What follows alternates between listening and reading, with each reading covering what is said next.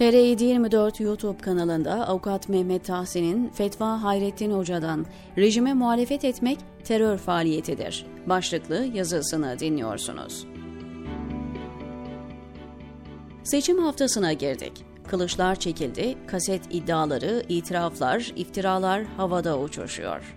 Muhalefet mevcut iktidarı alaşağı edebilmek için var gücüyle mücadele verirken iktidar bileşenleri koltuğu bırakmamak için her türlü yola başvuracağını gösteriyor. Buna kaybederlerse koltuğu devretmemekte dahil. Dün Erzurum'da olduğu gibi taraftarlarını sokağa döküp muhalifleri taşlatıyor. Cumhur'un başı düpedüz, yalan ve montajlanmış videolarla miting alanında taraftarlarını manipüle ediyor. Cumhur'un küçük ortağı muhalifleri hain diye yaftalayıp müebbet hapis ya da vücutlarına alacakları mermiyle tehdit ediyor. Önce iyi haberi vereyim. Türkiye Cumhuriyeti hala bir hukuk devleti. Cumhurbaşkanı koltuğunda oturan Recep Tayyip Erdoğan ise bir diktatör değil. Henüz değil en azından. Çünkü iyi kötü bir muhalefet var. Tartışmalı da olsa seçimler yapılıyor ve kağıt üzerinde mevcut iktidarın seçimle değişme ihtimali hala söz konusu. Kötü haber, iktidar kanadından yapılan açıklamalarına bakılırsa anayasa ve yasaların artık pek bir önemi yok. Demem o ki Türkiye Cumhuriyeti hukuk devleti olmaktan çıkıp Orta Doğu veya Kuzey Kore tipi bir diktatörlüğün eşiğinde. Bunun olup olmaması büyük ölçüde önümüzdeki seçimin sonucuna bağlı. Bu son seçim. Bir daha seçim olmayacak demiyorum. Elbette olacak. Ancak hiçbir şey eskisi gibi olmayacak. Biraz abartılı bulabilirsiniz. Ama eğer 14 Mayıs'ta da Erdoğan kazanırsa bir sonraki seçimde Kuzey Kore modeline geçme ihtimali hiç de uzak sayılmaz. Biliyorsunuz, Kuzey Kore'de Yüksek Halk Meclisi için 5 yılda bir seçim yapılıyor. 687 seçim bölgesinde sadece iktidardaki Komünist Parti'nin belirlediği aday yarışıyor. Tek aday olan Kuzey Kore Devlet Başkanı Kim Jong-un, seçmenlerinin %100'ünün oyunu alarak seçiliyor. Ortada seçilmiş bir başkan var mı? Var.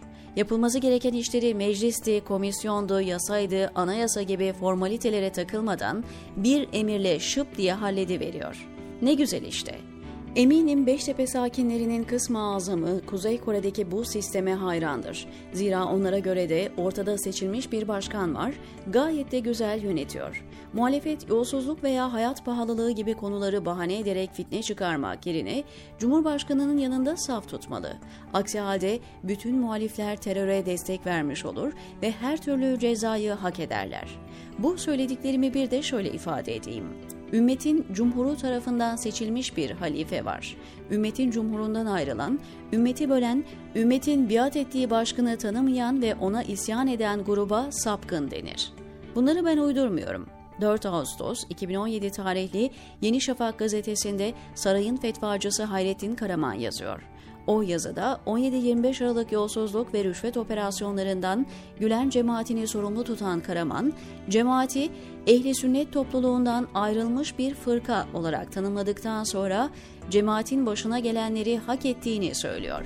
Çünkü ona göre cemaat ümmetin biat ettiği başkanı tanımayarak sapkın hale gelmişti. Gülen hareketi açıkça yoldan çıkınca devlet onların yakasına yapıştı ve hak ettiklerini yapıyor. Hayrettin Karaman 3 yıl sonra 27 Eylül 2020'de aynı köşede bir yazı daha kaleme alıyor ve önceki yazısındaki ifadelerini inkar ediyor. Bununla beraber söylemedim dediği fetvayı biraz daha detaylandırıyor. Devlet ve iktidar kendini korumak ister. Canına kastedenleri engeller. Engellemek iki şekilde olur. A. Şüphelileri iş başından uzaklaştırıp temize çıkanlara haklarını iade etmeyi zorunlu kılıyorsa bunu yapar. Bu bir ihtiyati tercihtir.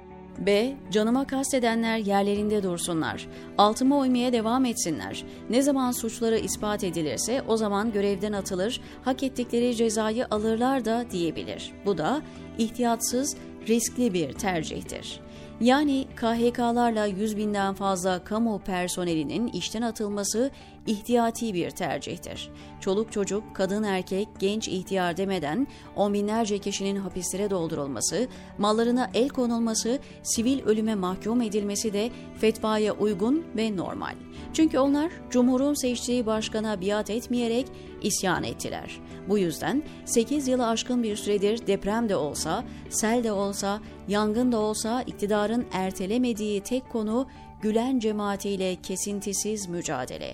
Son günlerde ortaya çıkan Ali Yeşildağ ve Muhammed Yakut tarafından gündeme getirilen yolsuzluk iddiaları ve muhalefetin bu iddialara sahip çıkarak miting meydanlarında veya televizyon ekranlarında diline dolaması iktidarı oldukça güç durumda bıraktı. Sedat Peker'in milyonlarca izlenen videolarına bile bu kadar sert tepki vermemişlerdi halbuki. Bu iddiaları dile getirenleri terörist ilan ettiler. Aynen bir zamanlar 17-25 yolsuzluk soruşturmasını yapan polislere yaptıkları gibi.